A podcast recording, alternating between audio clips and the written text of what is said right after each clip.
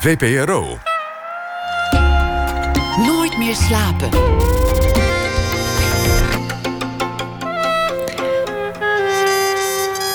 Met Elvie Tromp.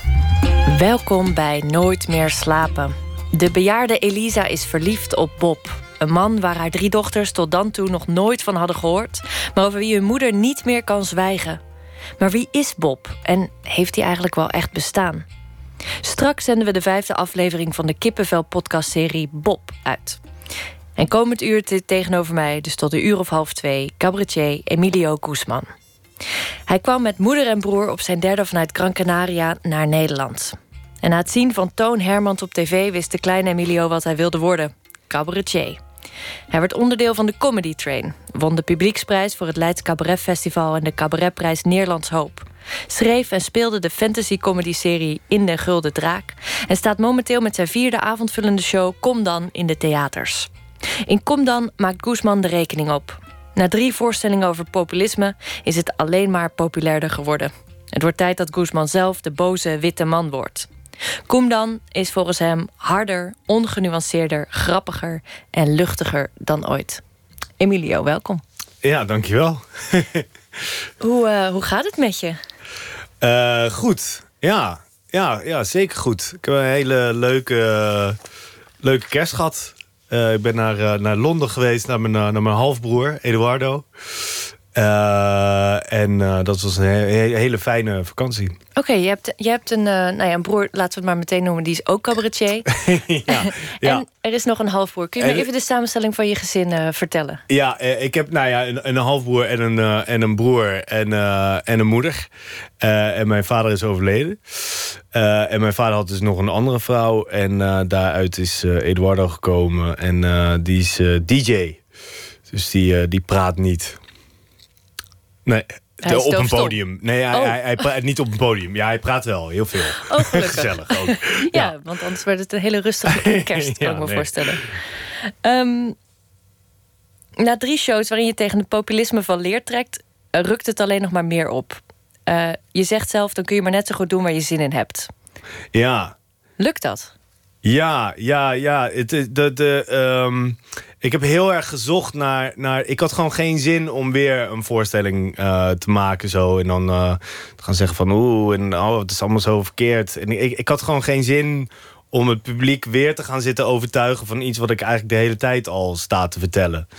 Um, en uh, dan moet je gaan zoeken naar, naar iets anders. En ik vind sowieso dat je, dat je bijna bij elk programma wel weer moet gaan nadenken van ja, heeft het zin wat ik doe? En, en, en uh, heb ik nog zin om het, om het te doen? en pas dan krijg je volgens mij ook weer een nieuw iets en een nieuw en een beter programma. Dus ja, het lukt, het lukt zeker, maar het is ook iets. ja, het blijft wel terugkomen. Ik kan ook niet helemaal onder uh, onder vandaan. Dat, dat, dat juk van Thierry Baudet of zo. Dan, ik moet het toch wel. Ik moet het altijd dan toch even over hem hebben. Daar kan ik niets. Dat zit er gewoon in. Dat moet eruit. Ja, want ja. Wat, wat is er aan hem wat, je, wat, wat jou zo jeukt of wat jou zo raakt?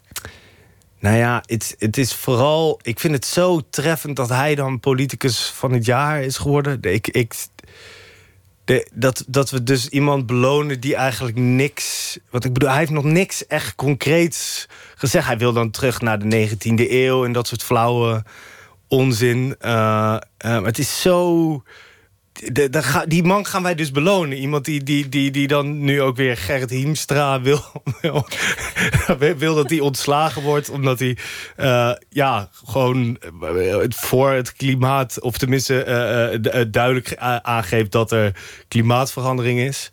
Ja, het is gewoon die gekte. Ja, ik, ik vind het zo verschrikkelijk dat die, de, het blaast het mensen. En dat, dat heb, ik, ik word daar een beetje...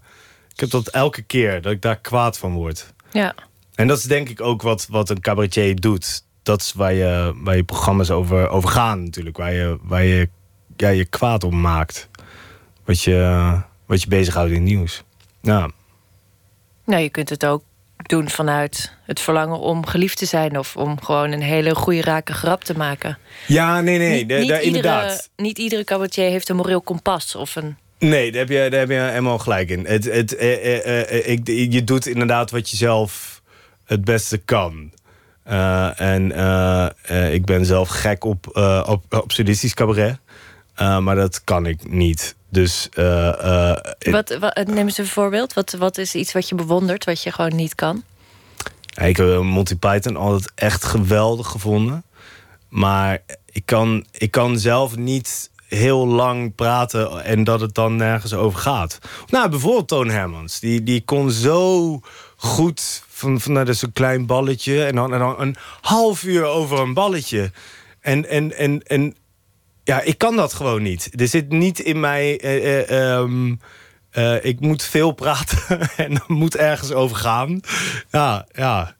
Dat, je, je, je vindt op een gegeven moment, en dat heb ik heel erg bij de comedy train geleerd. Je, je, je, je vindt op een gegeven moment je, je eigen stem. En dan moet je ook een beetje houden bij, bij wat je het beste kan. En dan af en toe experimenteren met iets wat je, wat je niet durft.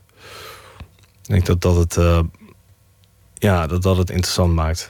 Wat is het laatste dat je hebt gedaan dat je niet durfde? uh, Oeh, ja, nou, dus een hele voorstelling niet uh, iets over politiek zeggen. Dat is een beetje mislukt, hè? Dat is uiteindelijk, nou ja, het is, ik heb het wel, uh, ik heb het die avond volgehouden. maar inderdaad niet uh, bij deze voorstelling. Dat was één avond oh, in mijn try-out periode ah, dat, ik, dat ik mezelf als opdracht had gegeven dat ik niet over politiek ging praten. Mm. Ja, verschrikkelijk. Ik, dan moest, dan moet er dan toch ergens... Dan sta ik op een gegeven moment ook te denken van... wat ben ik hier aan het doen? Maar er zijn wel er zijn een aantal dingen... Uh, nou, ik wil... Ik wil uh, en daar zit ik eigenlijk nog steeds tegenaan uh, te hikken... maar ik wil misschien ook wel iets van een dans gaan doen. ik, ben, ik heb nog de laatste try-outs. en dat is... dat, ja, dat vind ik heel spannend.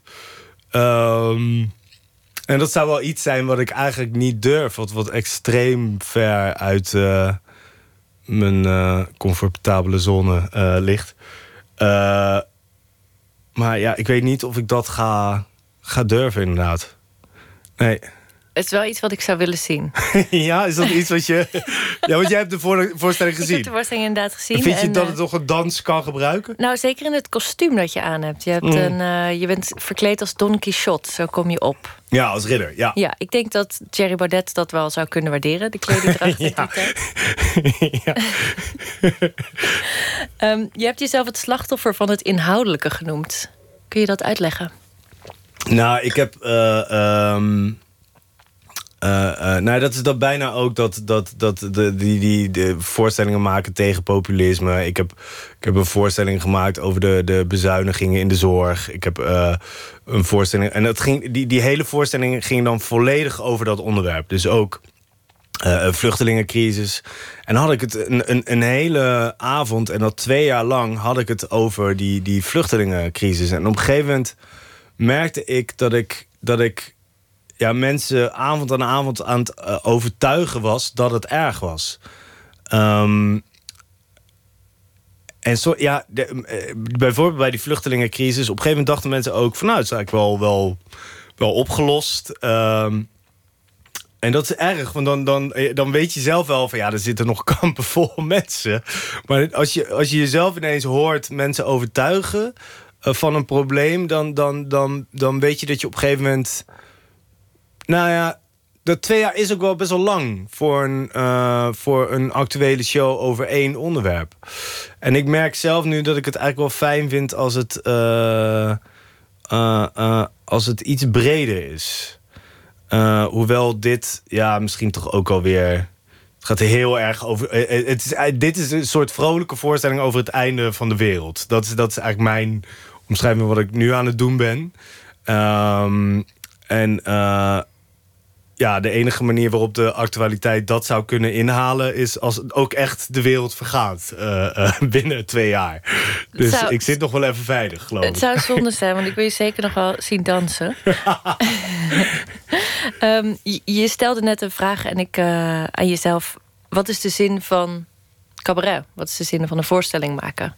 Zou, je, zou, je, die, zou je je voorlopige antwoord op dit moment kunnen geven?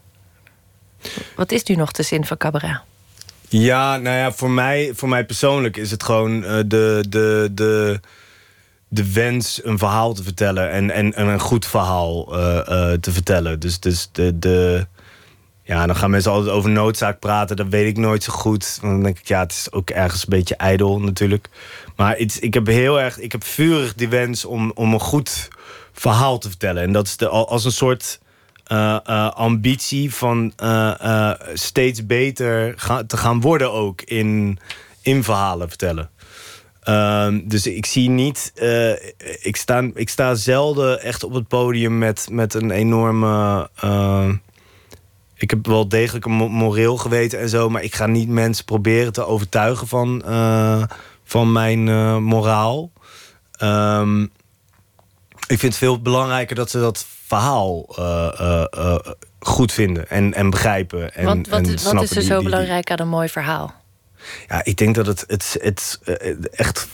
Het zegt zoveel meer dan, dan wat we de hele dag binnenkrijgen. Zo de, de, ik, ik geloof heel erg in. in uh, dat vind ik heel mooi. De, de theater, eh, een boek. Uh, ik geloof heel erg in verhalen in de zin van. We hebben het constante waan van de dag. En, en, en, en constant maar.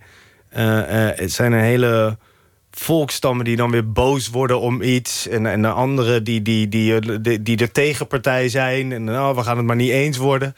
En ik vind het zo fijn als iemand dan soms gewoon even een goed verhaal vertelt. Dat is, eh, het zegt nog altijd veel meer dan, dan, dan, ja, dan die waan van de dag. Dan, dus ik, ik, Een soort universele waarde waar je dan naar op zoek bent? Of? Nee, nee gewoon rust. Gewoon een goed verhaal. Ja, nee, ja... Nou ja, ik ben ook altijd benieuwd naar, naar bij, bij, bij andere mensen gewoon. Dus ik, ik ga ook zelf wel graag kijken uh, uh, in het theater. En ik vind het ja, altijd inderdaad dorstig uh, op zoek naar, naar verhalen. Ja. Ja. Wat is het verhaal waar jij het eerst door gegrepen werd? Het, verhaal, het eerste, nou, het is misschien wel, wel Don Quixote. Ja, ja uh, je komt ook verkleed op en je leest ook voor uit Don Quixote in de voorstelling. Ja. Um, wanneer kwam dat boek in je leven? Nou, dat uh, boek is in mijn leven gekomen omdat mijn uh, vader, als wij daar waren in Spanje. Mijn ouders zijn gescheiden toen ik, toen ik drie was. En we, we zijn af en toe teruggegaan naar Spanje, gewoon vakanties. En dan, um, ik miste mijn moeder altijd heel erg. Dus ik moest ook vaak uh, huilen. En, en mijn vader die kon best wel goed ja, je aandacht grijpen met iets anders. Dus, kijk, dus je ging dan even om de situatie te schetsen. Je ging dan met je broer alleen naar mijn vader. Naar je vader. Ja, en, dan was mijn moeder wel in het. Uh, uh, was ook op, uh, op Gran Canaria. Bij, bij vrienden. Oh, die zij daar had nog van toen zij daar woonde. Ja. Um, en dan waren wij dus gewoon inderdaad met z'n tweeën bij, uh, bij mijn vader. En dan, ja, dan miste ik mijn moeder natuurlijk. Dus dan moest ik wel eens huilen en dan kwam ik niet in slaap. En dan ging mijn vader voorlezen. En dat, daar was hij echt, daar was hij super goed in. Uh, en dat verhaal, ja, ik weet niet, dat, dat heeft me altijd. Ik heb het altijd extreem fascinerend boek gevonden en ik begrijp het nog steeds niet helemaal. Ook. Dus het was je vader die Don Quixote voorlas? Ja. Hoe oud was je toen? Uh, toen was ik zeven. In het Spaans, neem ik aan. Ja, ja, ja. Ja, maar het was heel erg uh, uh, dan, dan ook uitleggen aan mij met handen en voeten en, en, en soms wat Engelse woorden tussendoor. Ja. Ja, dus de, en dat, dat was überhaupt zo knap aan hem. Hij was zo beeldend dat ik het dan toch meekreeg. Uh, Kun je me even, dit is radio, dus het is een, uh, een medium waar je eigenlijk alles moet schetsen. Kun je me meenemen, waar woonde je vader? Uh, mijn vader die woonde in, in Las Palmas. in wat voor woning? Een, een, buitenwijk, ja, een, een, een, het was een, een, een, een, een, een losstaand huis, een bungalow. Ehm met uh, ja, echt palmbomen in de tuin en zo. Het is echt dat is zo'n totaal andere wereld. Uh, waar ik dus ook ja, niet ben opgegroeid, maar wel af en toe was. Ja, dat was ook je wereld. En lag je in een. Uh, had je eigen slaapkamer? ja, samen met mijn broer. De, we, liggen, we lagen samen op, op dezelfde kamer. en ja, we hadden daar ook gewoon allebei ons eigen speelgoed en zo. Ook, ook Spaans speelgoed. De, ik herinner me gewoon heel vaak dat ik, dat ik dan met iets aan het spelen was en dat ik het daar weer achterliet. En dan een paar jaar later pas weer terugkwam en dan wel of niet het nog leuk vond. Uh, zoals een, een ik, dat eh, weet ik nog zo goed. Het was een autootje en dan reed dan tegen de muur aan. En dan uh, ging hij zo deuken zo. En dan kon je dat weer terecht trekken en dan kon je hem weer en ik weet nog dat ik dat... Ik vond dat zo gaaf. Die, die, uh, toen was ik zeven, geloof ik. En ik, daar speelde ik zo veel mee. En toen kwam ik terug. Uh, toen ik, nou, denk twaalf was of zo. En dan vond ik... Dat is dan zo teleurstellend. Dat je denkt van... Oh ja, dat is een geweldig ding. En dan heb je daar in je hoofd iets echt... Iets geweldigs van gemaakt. Uh, en dan, uh, ja, ik heb er niet één keer naar omgekeken. Uh, en zo is dat misschien ook wel met die verhalen van mijn vader hoor. Dat ik, dat ik, dat ik er zelf in mijn hoofd echt iets heel grandioos van heb gemaakt. Um, ja, en, en dat is de, die, die, die, die, dat is wel het eerste echte verhaal wat, wat grote indruk op me maakte. En, en hij had ook wel dat hij dan daarbij ook uh, strips en zo kocht uh, voor me. En daar dan ook over. Ja. Dus strips over Don Quixote. Nee, het is natuurlijk het eerste, of eerste echt wezenlijke moment van contact in een. Ja, in contact met een moeilijke man. Jullie zijn ja. ook Krunkenaar bijna ontvlucht. Omdat er altijd dreiging was, toch? Ja. Tussen hem en je moeder. Ja, hij was, hij was een hele moeilijke man. alcoholprobleem. En ehm, hij ja, hij heeft op een gegeven moment... Mijn, mijn, uh, uh, mijn moeder, die, die, die hij, hij, ging ook heel veel vreemd en zo. En op een gegeven moment heeft mijn moeder gezegd... van ja, het is wel klaar uh, nu. Um, hij was zelf ook nauwelijks meer thuis. en toen wou ze weg, terug naar Nederland. terug naar haar eigen familie. Je moeder maar, is Nederlands? Mijn moeder is Nederlands, ja. En, en dat mocht niet van mijn, van mijn vader. Dus we mochten dat eiland niet, niet verlaten. En dat is... Nou, hij is er echt bedreigd. En dat was, was voor mijn moeder gewoon ontzettend uh, heftig. En we zijn uiteindelijk echt zo, zo ja, stiekem in de nacht. Uh, um, vanuit Nederland zijn die tickets geregeld en zo. En toen zijn we echt stiekem uh, in de hols van de nacht vertrokken. Ja. Je was drie, heb je Ik daar, was toen drie, hè? Heb je inderdaad. daar nog herinneringen aan? Echt heel vaag. Ja, ik weet nog een moment op de gang in, in Spanje in mijn pyjama dat ik moest gaan inpakken. En dat ik dat niet echt... Uh, ik hoor een telefoon. ja, er wordt even wat ingestart en het wordt weer afgezet. Dus um, nee, dat ging even fout hier. Um, je weet nog een gang, zeg je? Ja, dat ik op de hal uh, in mijn pyjama uh, zat en dat ik moest opschieten. en spullen pakken. en ik weet nog, toevallig ook de hal in Nederland... dat we aankwamen. Uh, en uh, dat ik echt zo keek in die, uh, in die tuin. En Oude Kerk al had gezien, waar ik aankwam. Je kwam in Oude Kerk aan de IJssel terecht. Ja, en het regende buiten. En ik dacht... het eerste, dat was echt dat is een van mijn eerste herinneringen. Dat ik echt dacht, ja, ik vind het niet leuk. Geen palmbomen. ja, ik wil terug. ja, ja. Shit, geen palmbomen. Ja. ja. Wie wachten jullie op in Nederland? Um, ja, dat was mijn, uh, mijn tante, volgens mij, tante en oom. Ja.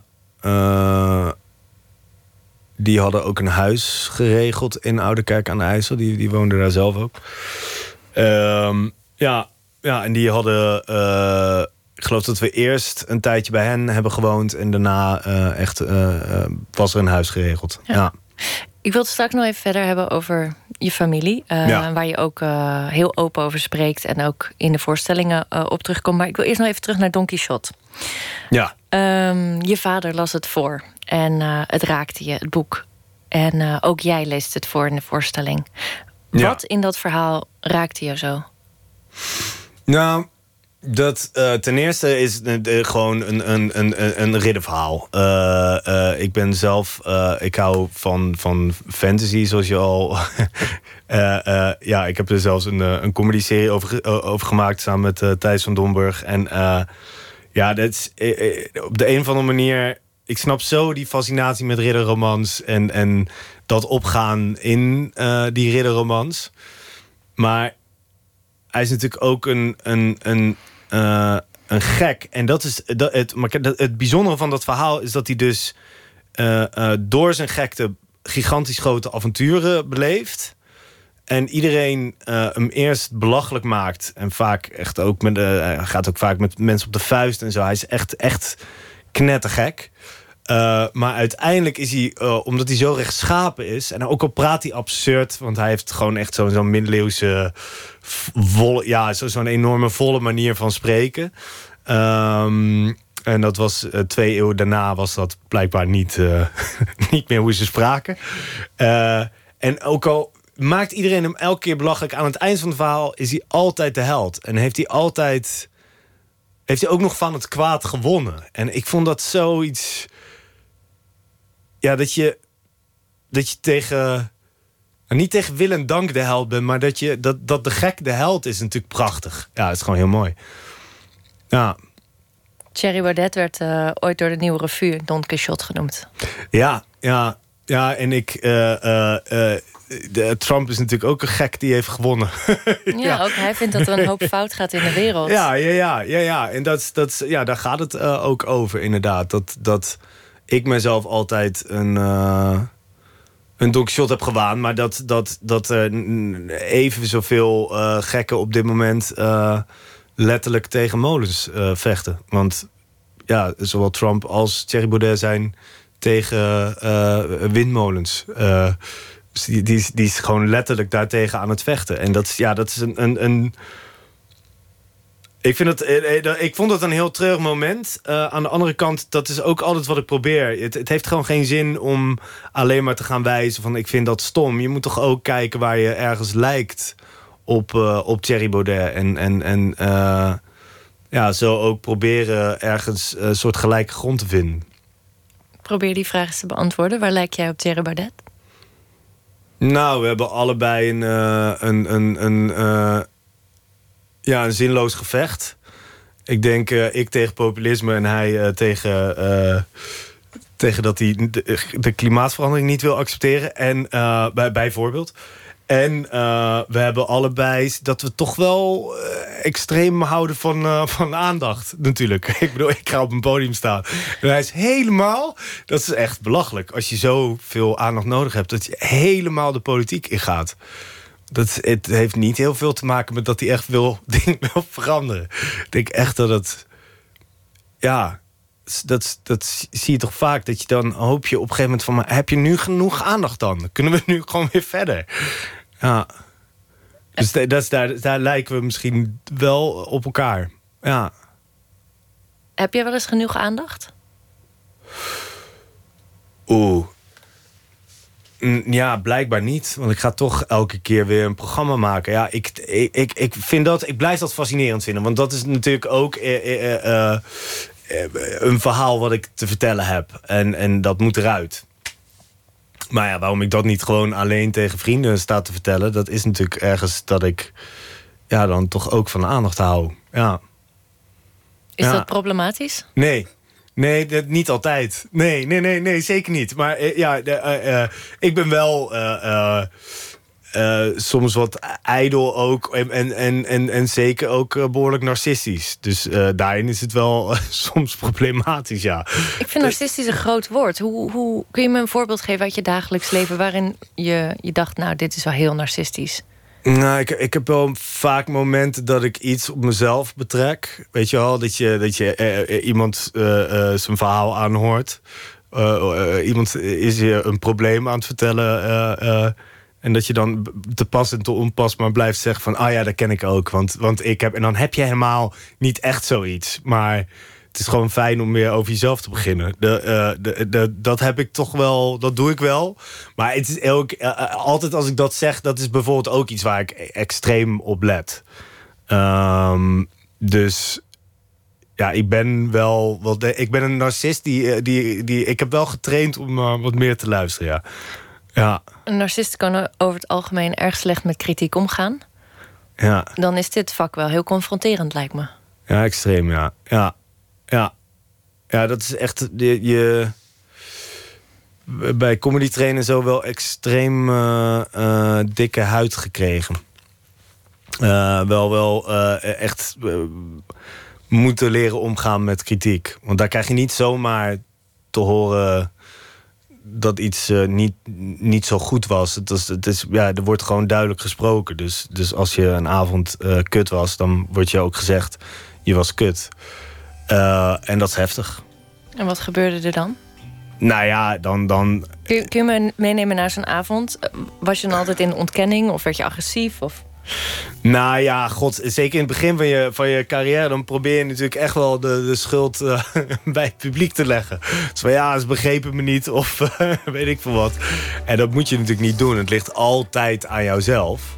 En dan ga je daarna evalueren en dan zit je nog in ontkenning. En dan wordt je gezegd, je bent kut en dan mag je niet terugpraten.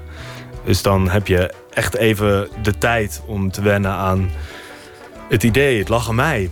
Ja. We gaan uh, straks verder praten over hoe kut en goed je wel niet bent, Emilio Guzman. Straks na het nieuws praat ik met je verder. Later zenden we het vijfde deel van de podcastserie Bob uit, waarin onze radiomakers als laatste wanhoopstaten maar het telefoonboek afgaan in een zoektocht naar Elisa's grote liefde, Bob. Dat en meer straks na het nieuws van 1 uur.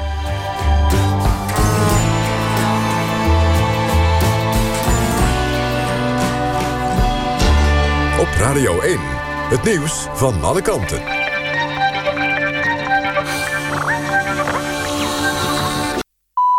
1 uur, Bastiaan Nachtegaal met het NOS-journaal. De KNVB heeft bij Abdelhak Nouri al voor zijn hartstilstand een hartafwijking vastgesteld. De afwijking werd in april 2014 geconstateerd op een echo, meldt NRC op basis van onderzoek. De KNVB zag geen gevaar voor zijn gezondheid, maar bracht toch Ajax op de hoogte. Volgens zijn familie is Nouri zelf niet geïnformeerd. NRC schrijft verder dat de clubarts van Ajax mogelijk te laat begonnen is met hartmassage toen de voetballer een hartstilstand kreeg. Zowel Ajax als de familie van Nouri zou een letselschadeadvocaat in de arm hebben genomen. De EOD heeft in het Limburgse Eigelshoven bij Landgraaf een explosief opgeblazen. Om wat voor explosief het ging is onbekend. De stof werd gevonden bij een huiszoeking en zou onschadelijk gemaakt worden in een parkje. De EOD liep daarbij wat vertraging op doordat een vrachtwagen die werd gebruikt om de ontploffing te dempen vastliep in de drassige bodem. Uiteindelijk moest er een trekker bijgehaald worden die het parkje wel nog in kon rijden. Nederland zal in de spoedzitting van de VN-veiligheidsraad over Iran zeggen dat het land geen geweld moet gebruiken tegen vreedzame betogers. Dat heeft minister Halbe Zelstra van Buitenlandse Zaken laten weten. Vreedzame demonstraties moeten de ruimte krijgen, vindt het kabinet. De VS heeft de Veiligheidsraad bijeengeroepen vanwege de gewelddadige betogingen in Iran. Nederland is sinds deze week voor één jaar lid van de Veiligheidsraad. Virgil van Dijk heeft bij Liverpool een droomdebuut gemaakt. Dankzij een rake kopbal van de verdediger vlak voor tijd... won Liverpool in de derde ronde van de FA Cup met 2-1 van stadsgenoot Everton. Van Dijk kwam voor 84 miljoen euro over naar Liverpool. Hij was daarmee de duurste verdediger ooit en de duurste Nederlander. Het weer, het is bewolkt met soms een bui. Het koelt af naar ongeveer 3 graden, bij opklaringen wat kouder. Overdag bewolkt met plaatselijke regen, het wordt 6 graden. Zondag en maandag een koude noordoostenwind en niet warmer dan 4 graden. Dit was het NOS Journaal. NPO Radio 1. VPRO. Nooit meer slapen.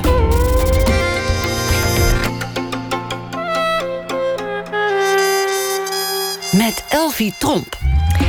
Welkom terug bij Nooit meer slapen. Tegenover mij zit nog steeds Emilio Guzman... die op dit moment het land doorkruist met zijn voorstelling Kom dan. Nou ja, niet letterlijk nu, maar de komende maanden. Voor het nieuws hebben we het onder meer gehad over eh, zijn liefde voor het cabaret. Wat het belang is van een goed verhaal vertellen. Uh, zijn liefde voor Don Quixote. En uh, zijn vertrek uit Gran Canaria, waar hij geboren is. En ja, eigenlijk zijn vlucht met zijn moeder in het hols van de nacht naar Nederland. Om, nou ja, dit klinkt heel dramatisch, maar misschien was dat het ook gewoon. Om je vader te ontvluchten. Ja. Je noemde je vader um, de eerste populist in je leven. Ja. Wat maakte hem een populist? Nou, die, die, die, die, hij, hij probeerde uh, altijd enorm um, uh, uh, in plaats van onze liefde te, te, te winnen door gewoon te zijn. Probeerde hij dat altijd met, met inderdaad beloftes en met, met mooie praat. En als het erop aankwam, dan, dan was hij er vaak niet. En toen de tijd was het inderdaad met, uh, met Wilders zo dat hij op het moment dat hij mocht regeren, of in ieder geval gedogen, dat hij toen wegstapte. En ik vond dat zo. Ik zag eigenlijk mijn vader gewoon op het moment dat hij, dat hij mocht, dat hij het dan toch ook niet. ja, dat hij het uiteindelijk dan toch niet kon. of in ieder geval niet. wel de aandacht wou hebben, maar nooit de last die dat ook met zich meebrengt. Dat je ja, liefde is natuurlijk niet alleen uh, lief hebben, maar ook, ook geven. Ja, en dat kon hij niet zo goed. Bezit je eigenschappen van hem? Oeh, uh, ja, jawel. Naast het kunnen vertellen van een goed verhaal. Ja, nou ja, dat gelukkig, inderdaad. Ja, nou, dat echt wel. Uh, ik kon eigenlijk niet zo goed grappen vertellen. Maar de, uh, uh, ik, ik wel beter.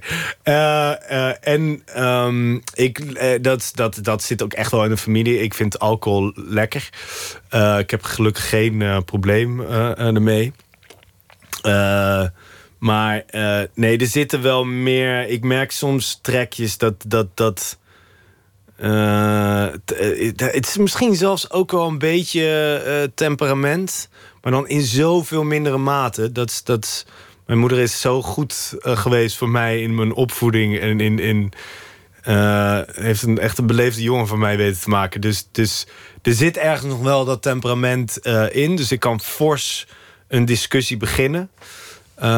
Maar ik, ik kan er dan ook tegen als dat iemand tegen me zegt... nou, dat is fors.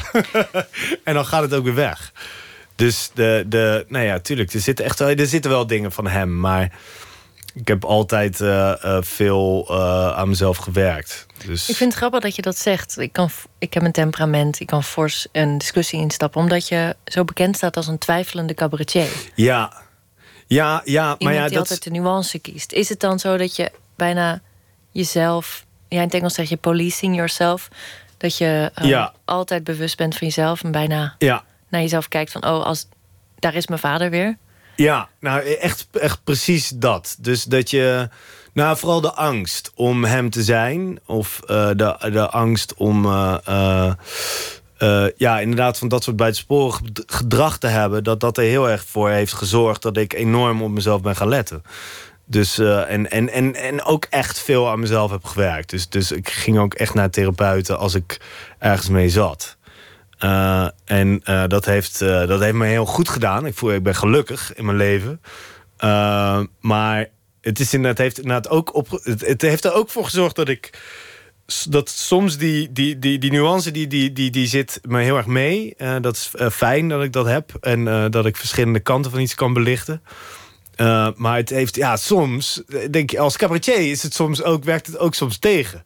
Je moet natuurlijk soms als cabaretier ook een botte uh, nare grap kunnen maken. Dus de cabaretier moet af en toe echt even doordrammen bij, bij, de, bij de grote nuanceman in mij. Om die grap te maken. Ja. ja. dus dat conflict zit er altijd wel in, ja. Het klinkt ook onvrij. Ja, ja en nee. Want het is gewoon wie ik ben. Dus het is niet zo. Het is niet, ik heb er geen last van. Maar het is wel altijd iets waar ik. Nou, ik vind het ook altijd interessant. Je bent ook nooit klaar. Dus, dus inderdaad, ik ben nooit vrij. Nee, dus ik moet, ik moet er ook niet aan denken. straks heb ik helemaal geen verhaal meer. Als ik straks helemaal vrij van alle kwalen ben. Nee, nee. Ja, ik heb ooit gehoord: een, uh, een gelukkig mens is een lui mens. Ja, uh, uh, ik ben extreem lui als ik gewoon uh, niet hoef te werken. dat, dat, maar dat, is, daar verbaas ik me toch altijd wel weer om. Dan, dan heb je iets gesteld. en dat is misschien dan ook weer... Misschien ga je nu enorme nuance horen.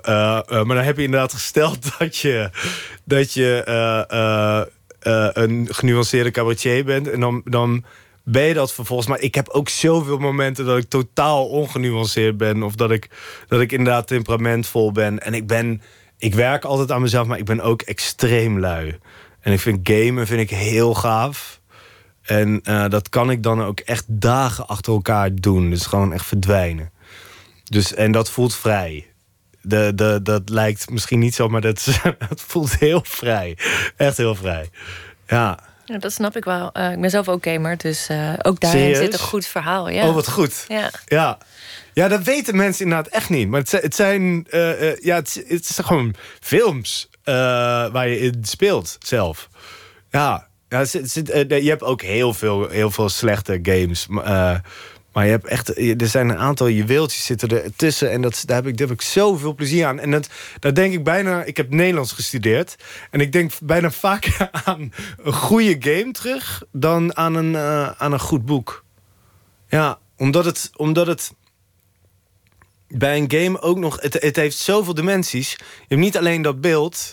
Uh, uh, en dat je dat kan... maar je kan dat dus ook beïnvloeden zelf het verhaal, min of meer. Je bent altijd de held, net zoals Don Quixote. Ja, ja, ja maar niet altijd. Want je hebt, je hebt, bij Call of Duty had je dat je de terrorist was... en dat je uh, daar... Nee, nee, nee, maar je hebt best wel veel games... dat je inderdaad de anti-held ook... Ja, ja, ja, ja, ja, maar dat heb je natuurlijk ook in boeken. Je moet ja. in ieder geval altijd onmogelijke dingen oplossen... en die gaan alleen jou lukken. Ja, ja. ja. Ja, dat, ja dat, dat vind ik dus ook... Ja, vind ik heel gaaf. Ja. Uh, uh, en uh, in ieder geval die verschillende dimensies geven dat ik, dat ik heel. nou, ik weet niet. Ik, nee, ik, ben, ik ben er gek van. En dat is, dat is voor mij enorm ontspannen en dus wel vrij.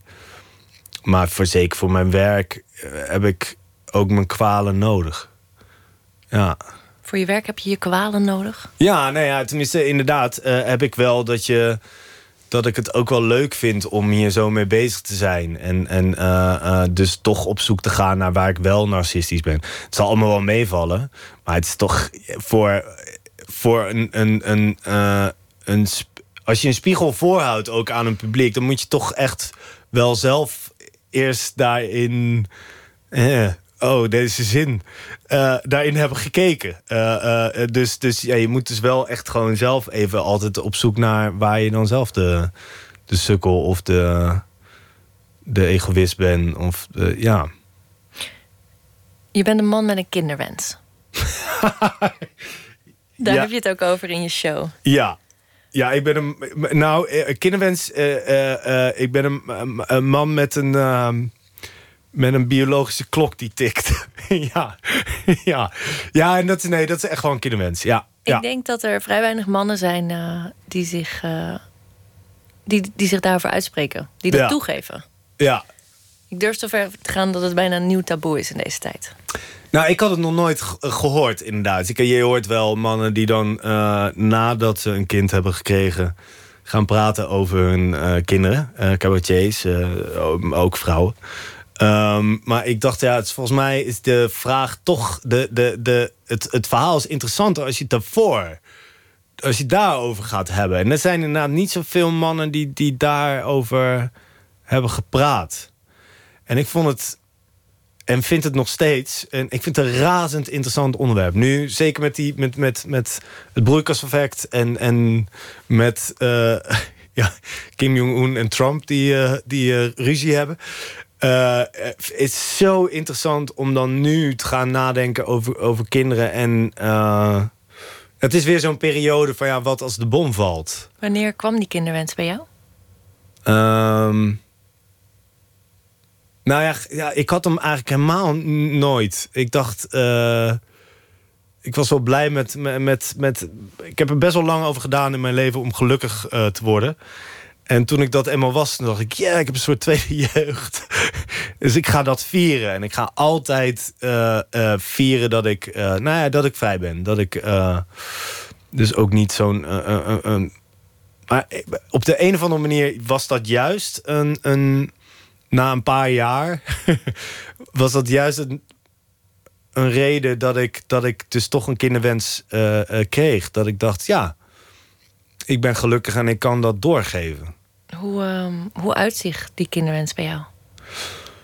Uh, nou, ja, ik, de, uh, goh, ik word helemaal week als ik dus een, uh, een, een, een, man zie met een, met een kind.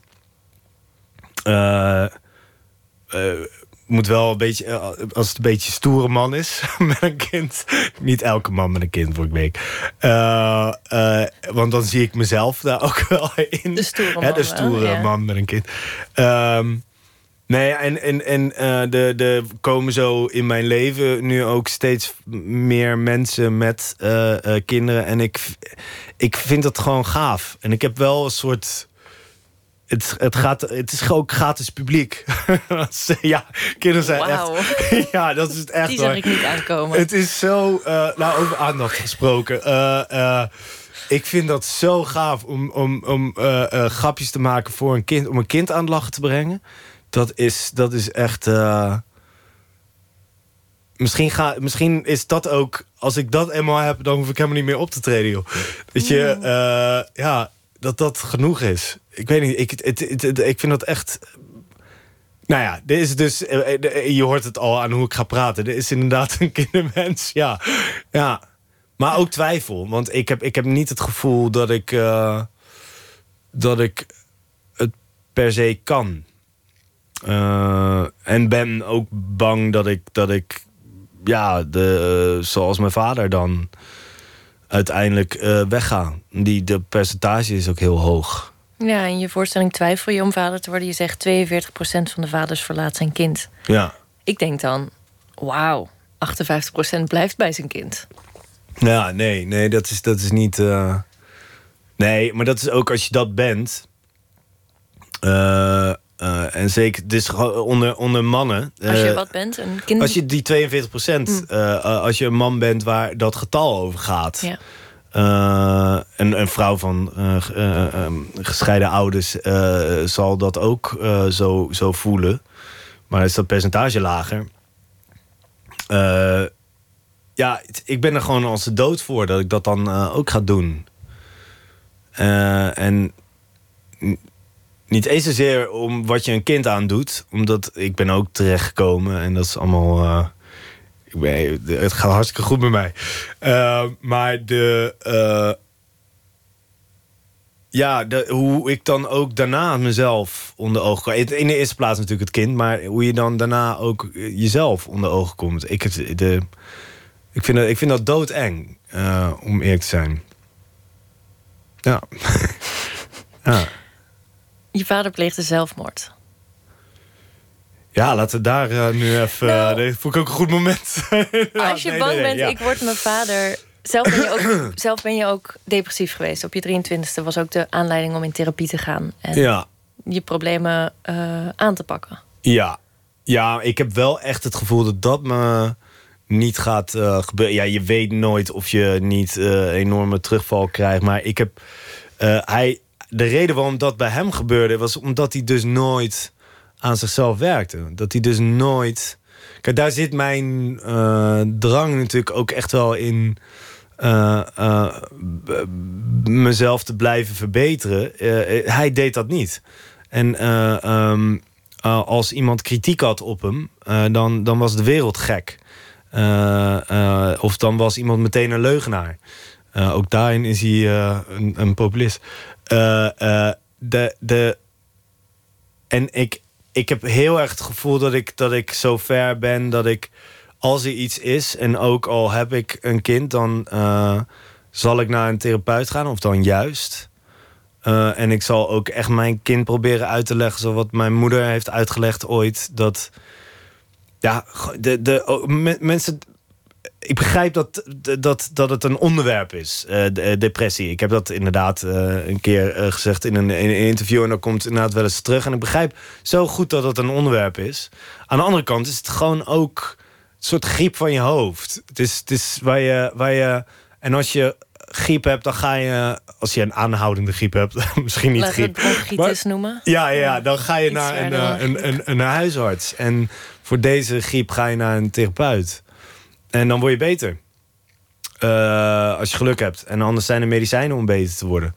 Uh, en dan nog moet je eh, oneindig veel geluk hebben. Maar ik heb dat gelukkig. En, en ben, er, ben vanaf. En, en het komt nog wel eens terug dat ik iets herken in mezelf. Dat ik stop met eten. Of ik reageer heel fysiek op uh, verdriet. Uh, dus dan ga ik ophouden met eten en heel ongezond veel drinken en weet ik wat. En dan is ik, ik herken elk moment er nu in en dan ja, ga ik op mezelf letten en, en lief zijn voor mezelf en dat soort termen. Dus dan ga ik veel uh, gamen. ja, nou ja, bijvoorbeeld. Ja, dat helpt echt. Ja. En praten met mensen, dat, dat, dat moet ik ook altijd uh, onthouden. Ja. Je klinkt zo zelfverzekerd als het gaat over depressie, maar dan zo, zoveel twijfels over het hebben van een kind. Ja, maar ik vind wel dat ik vind dat wel wat, wat anders. Ik ben gewoon. Uh, dat is gewoon een enorme verantwoordelijkheid. Dat is uh, depressie. De, ik, de, ik heb de enige verantwoordelijkheid die ik dus in mijn leven heb genomen, is aardig zijn voor mezelf. Is inderdaad op het moment dat het slecht gaat met mezelf, niet te veel nog te, willen van mezelf. En dus een beetje voor mezelf te zorgen. Um, daarnaast gaan planten bij mij altijd dood. Dus uh, uh, snap je? Er, is een. Nee, maar er is, is een reële vraag. Kan ik dan. Kan ik dan voor, iets, voor iemand anders zorgen? Voor een, voor een kind? En ik weet het echt niet. Ja, ik kan die vraag dat, ook niet voor je beantwoorden. Nee, nee, nee, nee, nee, nee, dat moet uiteindelijk een kind doen. het ging redelijk. ja. ja. Um, je praat heel open over je familie. Over de problemen in je familie. Ja, mijn broer die heeft vooral veel heel open gepraat. En uh, ik heb... Uh, ik ben wel eens geschrokken als hij dan iets zei in een interview of zo. Dat ik dan dacht van Oh, dat had ik nog niemand verteld. Dus dan ga ik het nu mijn vrienden ook maar vertellen. Uh, maar ik zelf, ik heb in mijn voorstellingen altijd wel, als het nut had, vooral, dan, hebben, dan ging ik erover praten. Ja, in de dunne dekmantel. Ik ben zelf wat voorzichtiger wel hoor. Ja, in de dunne dekmantel heb je het ook over een schizofrene oom. Ja. Ja, ja nou, nu, nu lijkt het inderdaad... Ik, uh, ik praat inderdaad best wel open over uh, mijn arme familie. Uh, nou ja, het is een kleurrijk, Nee, ja, maar kijk, die schizofrene oom was, was voor mij inderdaad symbool. En daar heb ik een verhaal voor over verteld. was ook niet zo'n dramatisch verhaal, was een heel mooi verhaal. Over de, hoe die met een aantal andere gekken... zo'n beetje zo'n one flew over de koekoeksnest verhaal...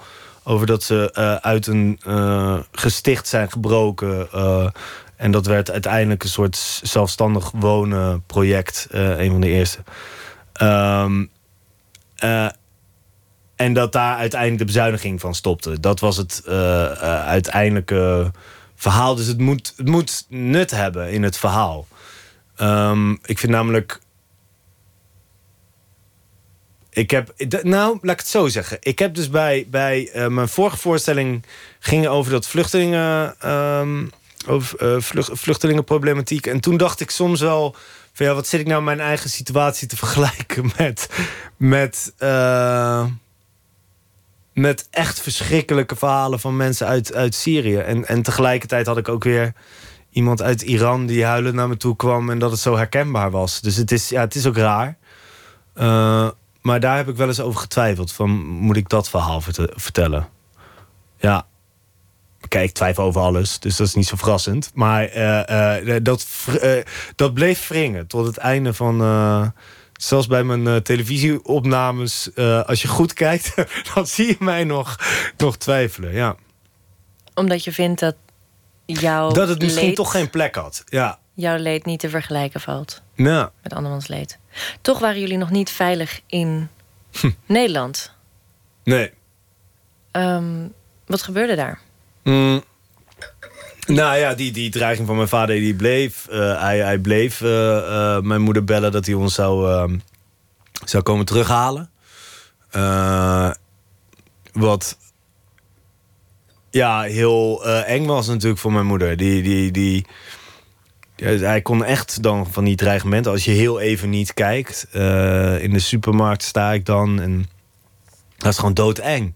En ik mocht ook dan mocht ik amper naar buiten. En, en ik heb de eerste, uh, eerste jaar in Nederland alleen maar in de tuin uh, gespeeld. Of de eerste paar jaar echt alleen maar in de tuin gespeeld. En toen mocht ik op een gegeven moment mocht ik zo de, de, de, de, de straat voor ons huis. mocht ik op en af lopen. En in tot mijn zevende was dit een, een blijvend verhaal. Totdat mijn moeder hem belde en zei van ja, we moeten het anders gaan doen. Dit kan niet langer en ik wil wel dat je ze ziet. En dat vond ik, dat vind ik nog steeds een heel moedig besluit. Dat zij toch gewoon heeft gedacht van ja, dit is de enige manier waarop dat ophoudt. Ik geloof niet dat ze aan het bluffen was met de kinderen hoor. Uh, uh, maar uh, dat ze ergens toch het gevoel had van ja, zij moeten ook weten wie, wie hij is. Dus zo hebben we hem uiteindelijk wel ja, in ons leven meegekregen. Ben je daar blij om? Had je liever gezegd, nou, die man was ik liever kwijt geweest dan? Daar ben ik heel blij om, ja. Ja, ja omdat dat... Uh, ik ken hem ook net genoeg om, om wel van hem te houden en om hem ook te missen. de, de, er zijn heel veel dingen die ik, die ik, die ik, die ik heel stom van hem vind. En waar ik verdrietig over, over ben geweest. en ook zelfs nog wel verdrietig over ben. Maar er zijn ook heel veel dingen die ik, die ik, die ik mooi vind. En dat ik ook weet waar ik vandaan kom. Er zijn, er zijn natuurlijk hele Heel veel mensen die dat niet weten. Dat, dat, dat, dat is veel heftiger volgens mij. Dat je, als je dat niet, weet je wel, als je geadopteerd bent en je weet niet waar je, uh, wie je echte ouders zijn en zo. Ik kan me voorstellen dat je daar of helemaal niks mee hebt, of juist dan dat heel graag wil weten. Nou, ik ben dolblij dat ik, dat ik hem heb gekend. Hoe heftig ook sommige momenten waren. En ja. hoeveel dingen die dan ook fout heeft gedaan.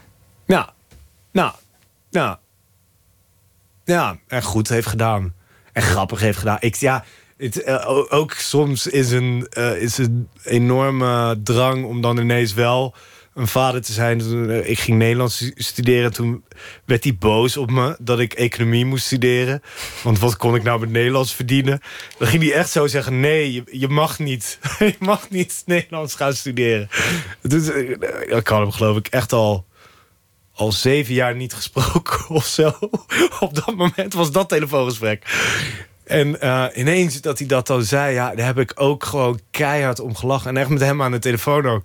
Dus het was, het was soms ook, ja, ook aandoenlijk en zo. Ik ben allemaal heel blij dat ik die, ook die verhalen heb over hem.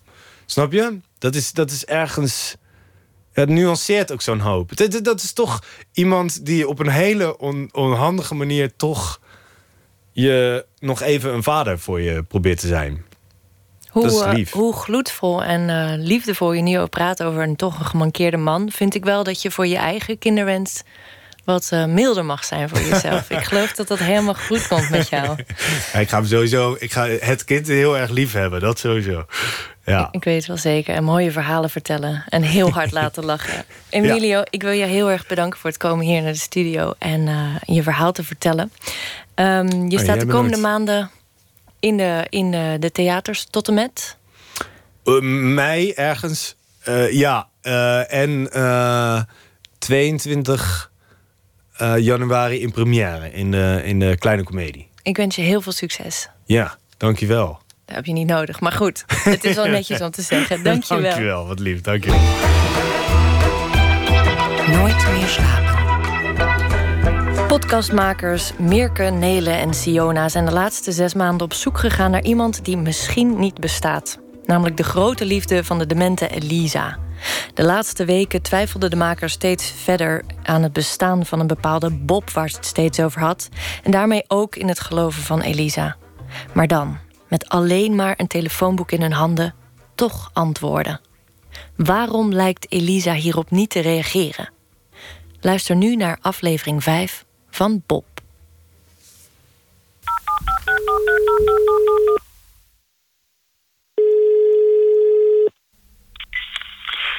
Jobson. Uh, goeiedag, uh, meneer. U spreekt met Nele Eekhout, radiomaker. Um, ik heb een vraag voor u. Uh, ik ben op zoek naar een Robert Machielsen of Bob Machielsen. Dat zou kunnen. Robert Machielsen? Ja, kent u die? Veronderstel dat ik die ken, ja. Dat zou, als het die is die u bedoelt, dan is dat een neef van mij. Een neef. Um, en wordt die soms Bob genoemd ook, of niet per se? Hoe zegt u? Wordt, wordt die soms Bob genoemd ook, of niet? Ja, Bob, Bob Machilsen, ja. Um, maar wie, wie is u? Ik, ik ben uh, Nele Eekhout. Ik, ik maak een, uh, een radiodocumentaire en ik ben op zoek naar Bob Machielsen. Um, Er is, Oh ja, ja. ja, ik, eh, het is een, Eh, een oud buurmeisje van hem. Ehm, Ja. die, die herinnert hem eh, haar nog, maar ehm, we, kunnen, we hebben hem tot nu toe nog niet kunnen vinden. Maar en heeft hij ooit in Borgerhout gewoond, die neef van u? ja, in de, in de kruislei. Echt waar? De, de kruislei. C-R-U-Y-S.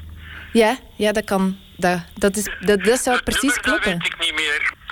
Eh, zijn vader was eh Fons Machilsen. Fons Alfons waarschijnlijk. Alfons, Ja. ja. Ehm, en en ehm, dat is uw neef. En, en waar, waar zou ik die kunnen vinden? Of zou ik die... Heeft u daar een telefoonnummer van?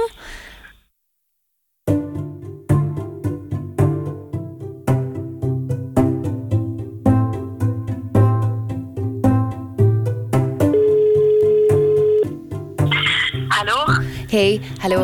Mirk is hier ook. Hi, blijkbaar krijgen we nieuws. Ik weet ook nog niks. Neil zit hier. Siona, Ja? we hebben hem. Wat? We hebben hem. Wat? Hè? Wat, wat, wat, wat, nog eens? We hebben hem, Sion. What the fuck? Dat kan niet waar zijn. Dat is niet waar. Zes maanden hebben we gezocht naar iemand die misschien niet bestond. Maar gaat dit werkelijk over onze Bob? Hij woonde op de kruislei, Siona. Hij woonde op de kruislei. Jongens, ik wil wenen van geluk. Ik heb net nog het verhaal. En op een doodgewone ochtend, met niets meer dan een telefoonboek, hingen we plots aan de telefoon met zijn neef. Ehm, en en ehm, d- dat is uw neef. Eh, En, en waar, waar zou ik die kunnen vinden? Of zou ik die... Heeft u daar een telefoonnummer van? Nee, nee, want die man die leeft niet meer. Oh. Nee. Jongens. Ah. Dit is Bob, aflevering 5. Ik ben Siona.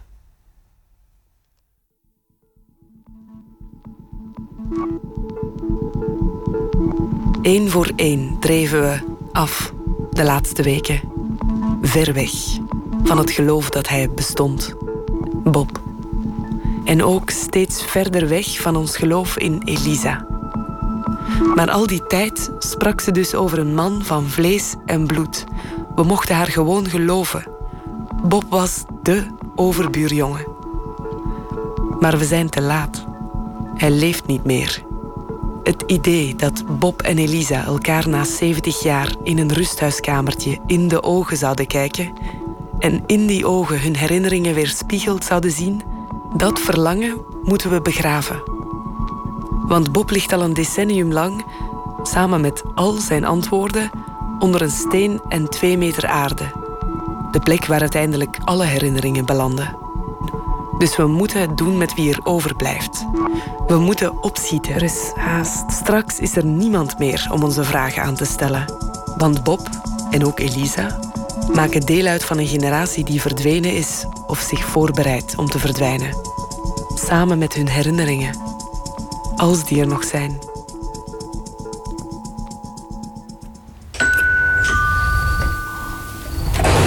Hallo. Hallo. Kom binnen. Dag meneer Van Gielsen. ik ben Nele. Ik heb Nele? Nele, ja. Wij hebben getelefoneerd. En dat is Siona. Ik ben Siona. Siona. Ik heb hier mijn toestel al We zijn bij Hugo Machielsen, de neef van Bob. We konden onmiddellijk met hem afspreken. Hij neemt ons mee door zijn nette huis naar een rond tafeltje, waar drie kopjes en een bordje met chocoladekoekjes klaarstaan. Koffie of eh, thee of eh, water of... eh, Heb de koffie staan? Je moet er geen speciaal zetten voor mij, maar als er is... Een kop koffie graag. Maar vooral alles wat u weet over Bob. Ja. nu, het was een hele mooie jongen. Ik heb ondertussen foto's van hem gevonden. Dus het is, die dame die dementeert dan toch niet zo erg. Het is wel heel, heel reëel, denk ik. eh. En hoe was hij? Allee, hoor. wel, eh, wil ik het u laten zien? Zijn we er al klaar voor? Eh, We gaan hem zien. We hebben de laatste zes maanden gezocht naar iemand die misschien niet bestond. En nu, in Hugo's zonovergoten serre, krijgt Bob eindelijk een gezicht. Dat is hij toen hij zijn plechtige communie deed. Amai. Ja. We kijken naar de zevenjarige Bob die in een communicantenkostuumje is gehesen. Het is een keurig knaapje met een streng donker kuifje en een stevig paar flaporen. Hij kijkt ons fier aan vanaf de foto. Maar hier ligt hij, knaapje Bob. Inderdaad wel een heel schoon mannetje. Ja. En wie was dit knaapje? We vragen het ook aan Hugo's zus, Marte. Ja. En wat kunt u nog herinneren van... Van Bob. Dat wij ons goed geamuseerd hebben in de tijd. Van de oorlog dan nog, hè. Maar eh, eh, het was plezierig. Jonge kinderen eigenlijk waren we toen, hè. En in huis, allee, dat was gezellig. Marte vertelt ons dat het gezin van Bob bij hen introk tijdens de Tweede Wereldoorlog. Het was namelijk niet veilig in de kruislei. De straat lag dicht bij de vlieghaven van Deurne, die al sinds het begin van de oorlog in Duitse handen was. En zij hadden schrik dat er daar eh, Amerikaanse bombardementen zouden komen. Of, eh, Voor de ouders was het een periode van angst en dreiging. Voor de kinderen meer eentje van plezier. Enfin, voor mij was dat plezier. Ik denk voor mijn broer ook wel. Hè. Mijn broer was een serieuze. Hè. Die zat eh, meer met zijn boeken in een boom. Of eh, Bob en ik waren meer ehm, speelvogels. ja. En toch kon Bob het ook heel goed vinden met Hugo. Zo bouwden ze samen een schuilkelder in de tuin. tuin en een diepe put die wel een keer onder water gelopen is en zo. En dat wij daar een observatorium gebouwd hebben om de V1's op te, eh, op te sporen. Dus dat kon je horen. En als er een V1 aangekondigd werd door het geluid, dan liepen wij naar de tuin. Dan liepen we naar buiten en dan zeiden we, oh, we hebben er nog een. Dus we vonden dat plezierig als kind. Begrepen echt niet uh, hoe erg dat, dat was.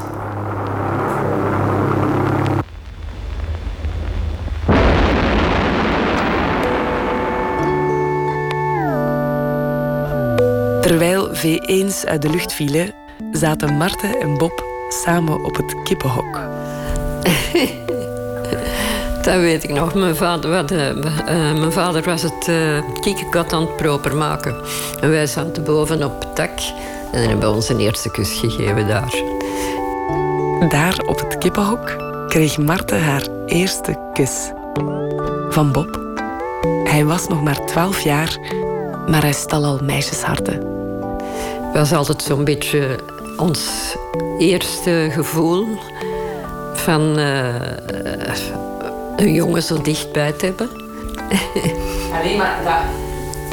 Jij was misschien wel de eerste vrouw in zijn leven. Wie weet dat hem gekust heeft. Hij, een ontgoocheling voor degene die denkt dat zij de eerste was. 73 jaar geleden zagen Hugo, Marte en Bob elkaar elke dag. Van al die dagen zijn er nu alleen nog maar momenten over. Scherven. Ik weet dat Bob altijd melk dronk. Geen koffie, niks aan melk. Een heel leven. Omgezet in anekdotes. Een tweede herinnering is dat ik Bob heb leren schaken. Wij waren heel veel thuis natuurlijk. En uh, wij hebben samen heel veel geschaakt. Niet alleen zo aan de tafel, maar ook op een bepaald moment per briefwisseling. Dat we, ja, dat doen ze, schakers. Nadat Bob was teruggekeerd naar de kruislei, schreven Hugo en hij brieven naar elkaar. Met daarin de volgende zet die ze op een schaakbord maakten. A2, v, het is eender wat, een zet. En die wordt dan genoteerd en opgestuurd naar de andere. Maar buiten die brieven hadden de neven weinig contact na de bevrijding. En wanneer zijn jullie dan zo'n beetje uit elkaar gegroeid? Of? Uh, ja, dat is rond de jaren 1950. Dan, uh, ja, dan waren de meesten uh, afgestudeerd, hadden uh, een job. En, en dan waren de contacten ook, ook veel beter. Dat iedereen stil aan zijn eigen gezin of zo. De jongens groeiden op. Ze trouwden. Dat is een huwelijksfoto van hem. Dus donker haar. Ja. En een, een snorken. En dat is aan een... Hele donkere ogen ook, hè? Ja. ja. Flapoortjes. Ja, inderdaad. Op deze foto staat een 20-jarige Bob. Met een kostuumvest die te groot lijkt voor hem. En op zijn lip prijkt een dun snorretje. Naast hem staat met een boeket van witte anjers niet Elisa, maar een ander meisje. Een mooie, jonge vrouw met blond opgestoken haar en een kanten blouse onder haar mantelpakje. Ja, ik denk dat dat een, uh, een goede koppel was. Uh, voor zover dat we dat kunnen als buitenstaander beoordelen. Maar uh, ze hebben altijd dan... ja, ze, zijn al, ze hebben geen kinderen. Geen kinderen gekregen? Nee. Nee. En weet u waarom? Was dat een bewuste keuze?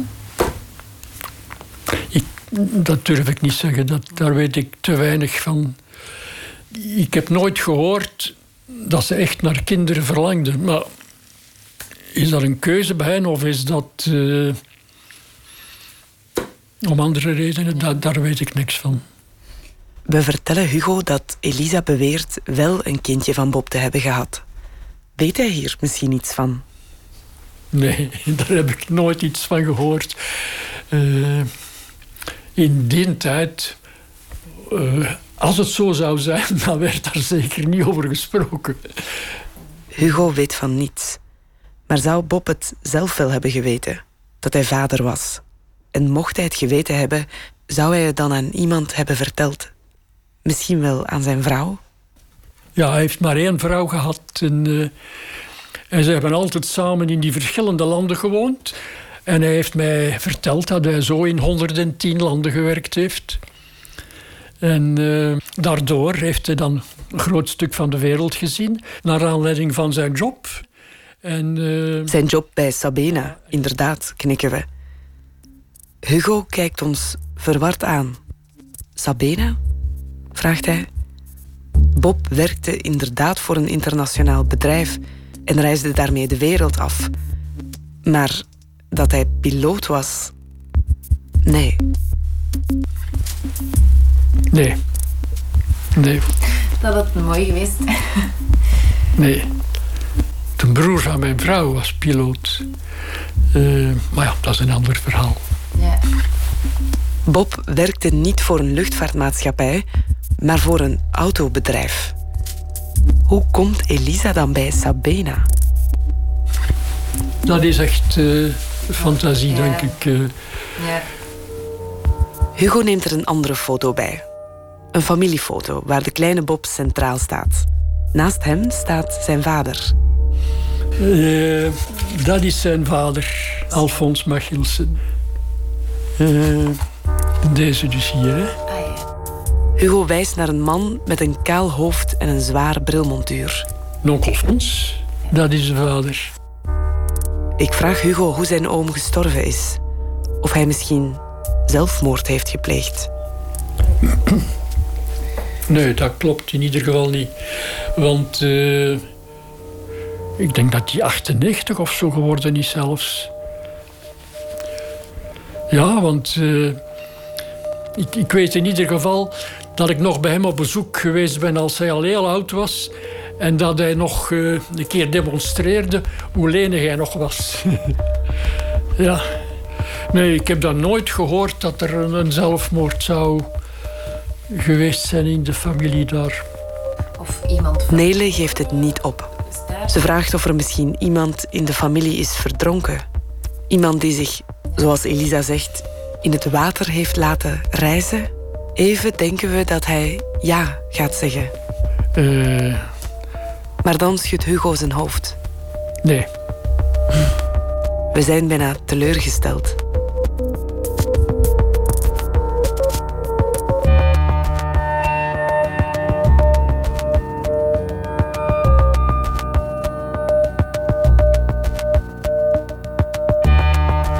De blijdschap die we voelden toen we Bob vonden, maakt in die zonnige serre langzaam plaats voor verwarring.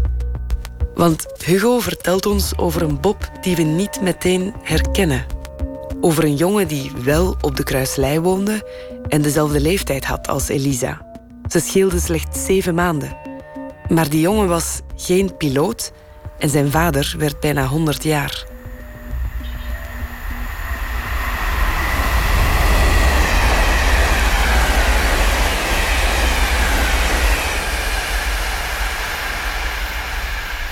Op de treinrit terug naar Antwerpen staren we naar het stapeltje papieren dat Hugo ons heeft meegegeven.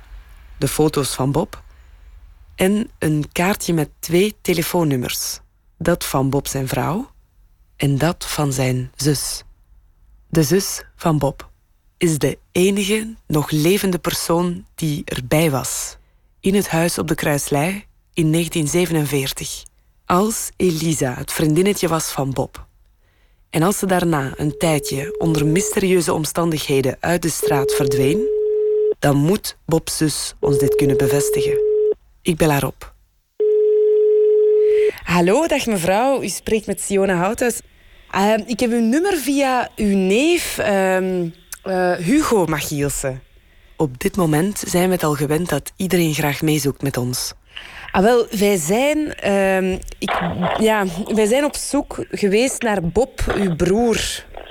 Maar eh, wij wisten niet dat hij overleden was. Ik zal het verhaal heel kort vertellen. Dus we schrikken ervan dat ze niet zo staat te springen om met ons mee te werken. Oké. Um, ja. En is er nog iemand anders die graag met ons zou willen spreken daarover? Ah. Was ik onbeleefd? Nee. Ik had haar gevraagd of ze Elisa Aarts kende. Dat is privé, zei ze, net voor ze de telefoon ophing. We doen nog een aantal pogingen om haar te bereiken, ook via Hugo en Marten. Maar dat heeft geen zin. De zus van Bob weigert met ons te spreken. Een paar dagen later bel ik ook Bobs vrouw. We maken een afspraak. In een Antwerpse hotellobby vertelt ze ons over haar man, Bob. En dat hij in al die jaren van hun huwelijk nooit iets over een jeugdliefde heeft verteld. Laat staan over een kind. We bedanken haar voor het gesprek. Maar die avond, nadat ze een bezoek had gebracht aan Bob's zus, belt ze ons terug op. Ze heeft zich bedacht. Ze wil niet meer meewerken aan ons onderzoek. Oké, dan rest ons alleen nog maar Elisa. We moeten naar haar en we moeten de foto's van Bob laten zien. Daar stond ik te wachten. En een Bob die had het bovenste verdiep. We zitten bij Elisa op bed. Ja. Ze heeft het over... Een Bob. Inderdaad. Nele haalt een beetje zenuwachtig de foto's uit haar tas en legt ze bij haar op schoot. Het jongetje met de flaporen. De jonge man met zijn hoge voorhoofd. Die moet ze toch herkennen. Um, Elisa. Weet maar. Ja, Lisette. Lisette, wie is dat?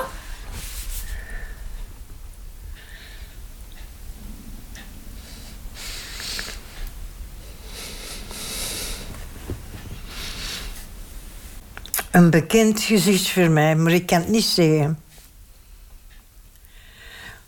Wie is dat mijn man? Maar die was zo dikker. Maar hij trekt er wel op. Op wie trekt hem? Op mijn man. Jules. Allee, zeg. Ik zal nog eens een andere foto zoeken. Ja, laat Ja. eens zien, ja. Hmm. En de die, ken je de deze? Mijn man. Jules. Toen soldaat was. Nee, nee, nee. Een broer of, een... Wacht, en deze is in kleur. Ken ik niet. Misschien nog zou Ik ken ik niet, hè. We zullen nog eentje en dan zullen we het zeggen. Ja. Nee. Zo. Kun je het goed zien? Zie, er is hier weer zo.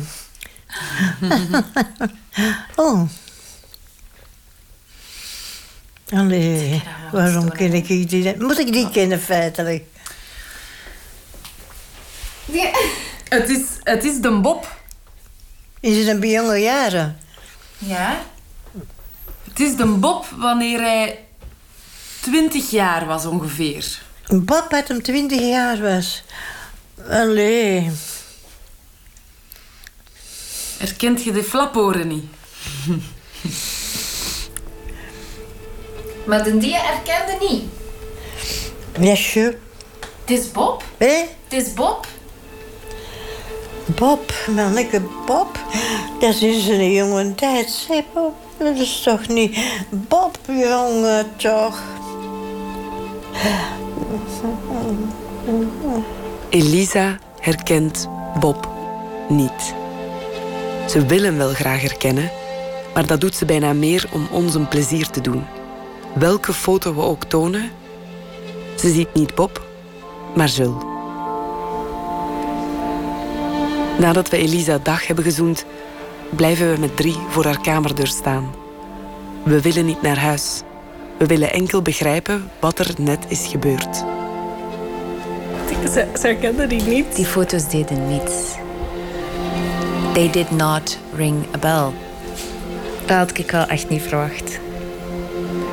Hoe is het mogelijk dat Elisa, de man over wie ze elke dag praat, de man van wie ze houdt en naar wie ze op zoek is, dat ze die niet herkent?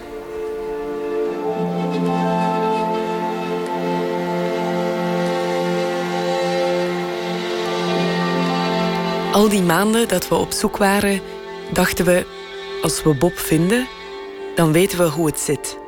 Bob is de sleutel, geloofden we. Met hem zouden we alle losse eindjes kunnen samenbrengen in één groot breiwerk.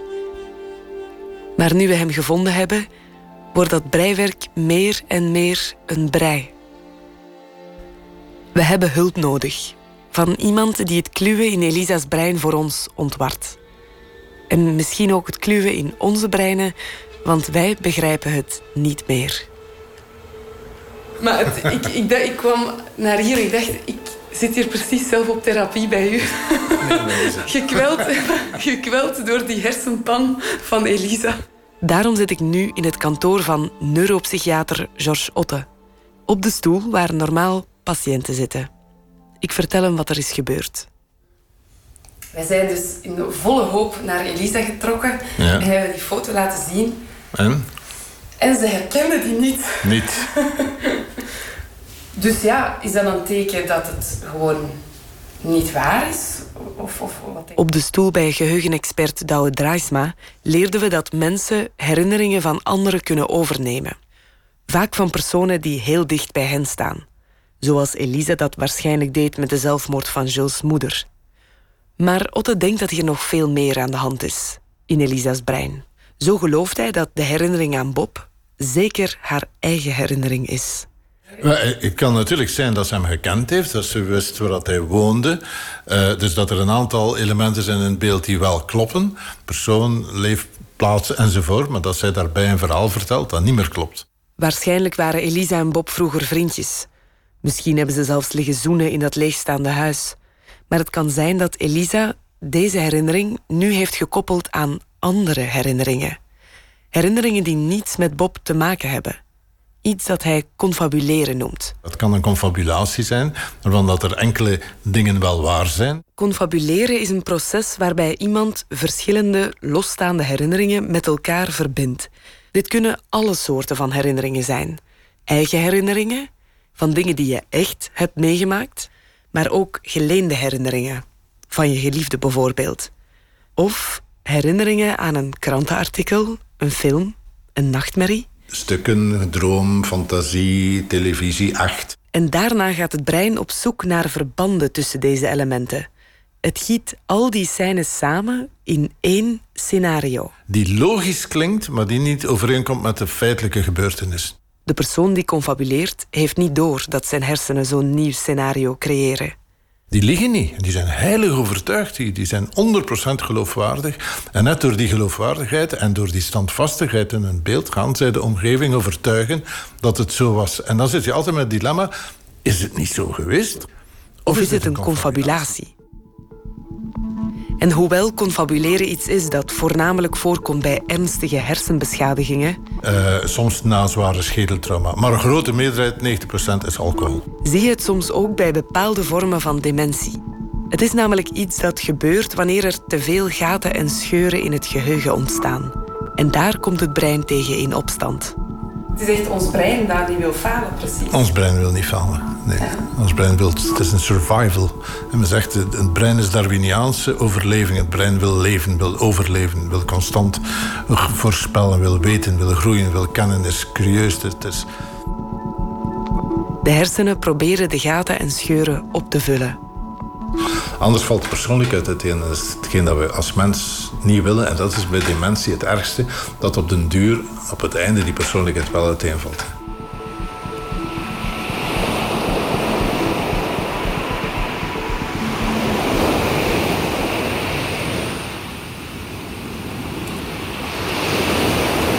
Een geheugen is als een continent.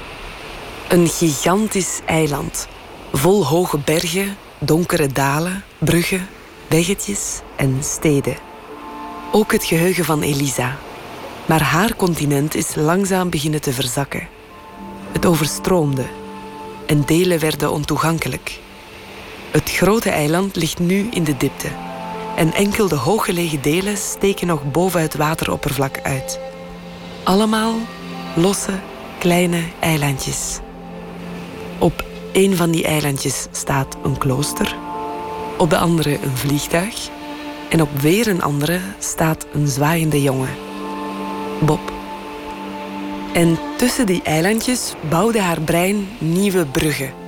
Een infrastructuur waarin de eilandjes op een verkeerde manier met elkaar zijn verbonden, maar die Elisa wel in staat stelt om alle eilandjes te bezoeken en erover te vertellen.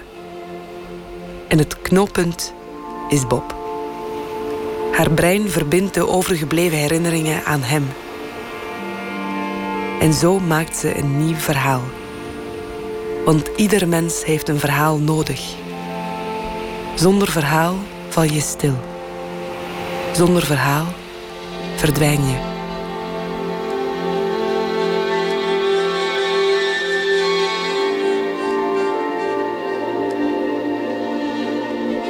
Dus puzzelstukjes komen wel niet uit krantenartikelen of komen niet eh, van een tv of van mensen die haar hebben bezocht. Ze komen wel uit haar eigen leven.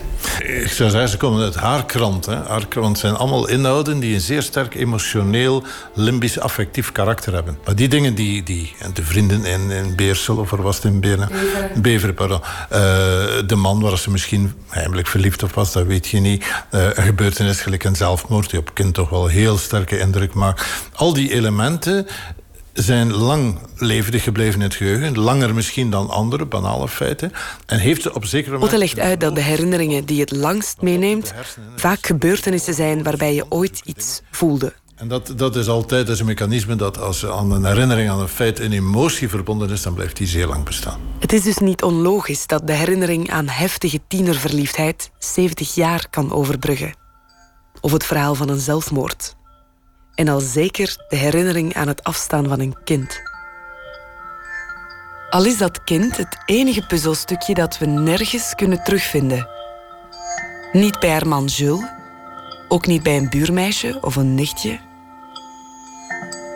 Nu is er dus nog een heel groot raadsel. Zijn wij op zoek gegaan naar ehm, dat kindje dat zij beweerde te hebben van Bob. En dat kindje kunnen wij niet in Elisa haar leven inpassen. We, we vinden dat niet terug. Zou dat kunnen betekenen dat, er, dat zij wel een kindje heeft gehad? Ik denk dat als men ervan uitgaat dat al haar geheugeninhouden toch wel een zeer sterk eh, emotioneel gewicht, dat die geheugeninhouden die overleefd hebben een zeer sterk emotioneel gewicht hebben, dan is het vrij waarschijnlijk dat er een kindje geweest is. Of nu van Bob is of van iemand anders. Waarom zou dat plots dat kind niet waar zijn en zou dat niks gebeurd zijn? Er is zeker iets geweest met het kind.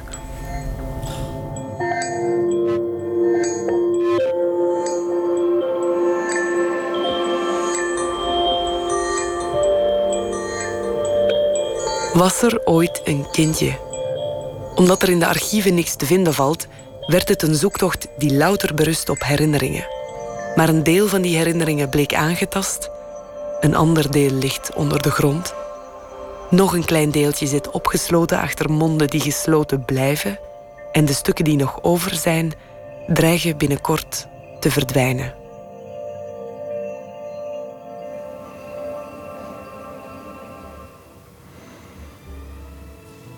Mijn tijd zit er voor deze week weer bijna op. Maar maandag praat Pieter van der Wielen met de Pools-Nederlandse regisseur Ursula Antoniak. In 2009 debuteerde ze met het drama Nothing Personal, dat vier gouden kalveren won. Deze week gaat haar vierde speelfilm Beyond Words in première. Geschoten in zwart-wit, waarin een jonge advocaat in Berlijn zijn vader uit Polen op bezoek krijgt. Ze zijn in feite vreemden voor elkaar, maar ontwikkelt zich een fascinerende vriendschap. En daar gaat Pieter alles over horen. Dat onder meer maandag. Straks kunt u luisteren naar De Nacht van de Radio. Tot snel, tot nooit meer slapen.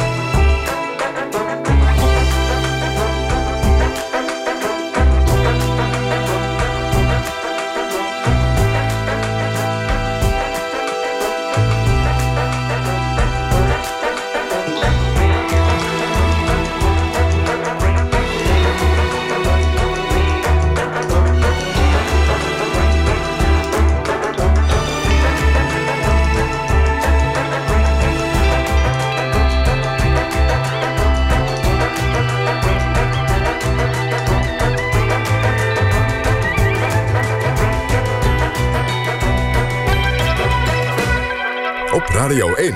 Het nieuws van alle kanten.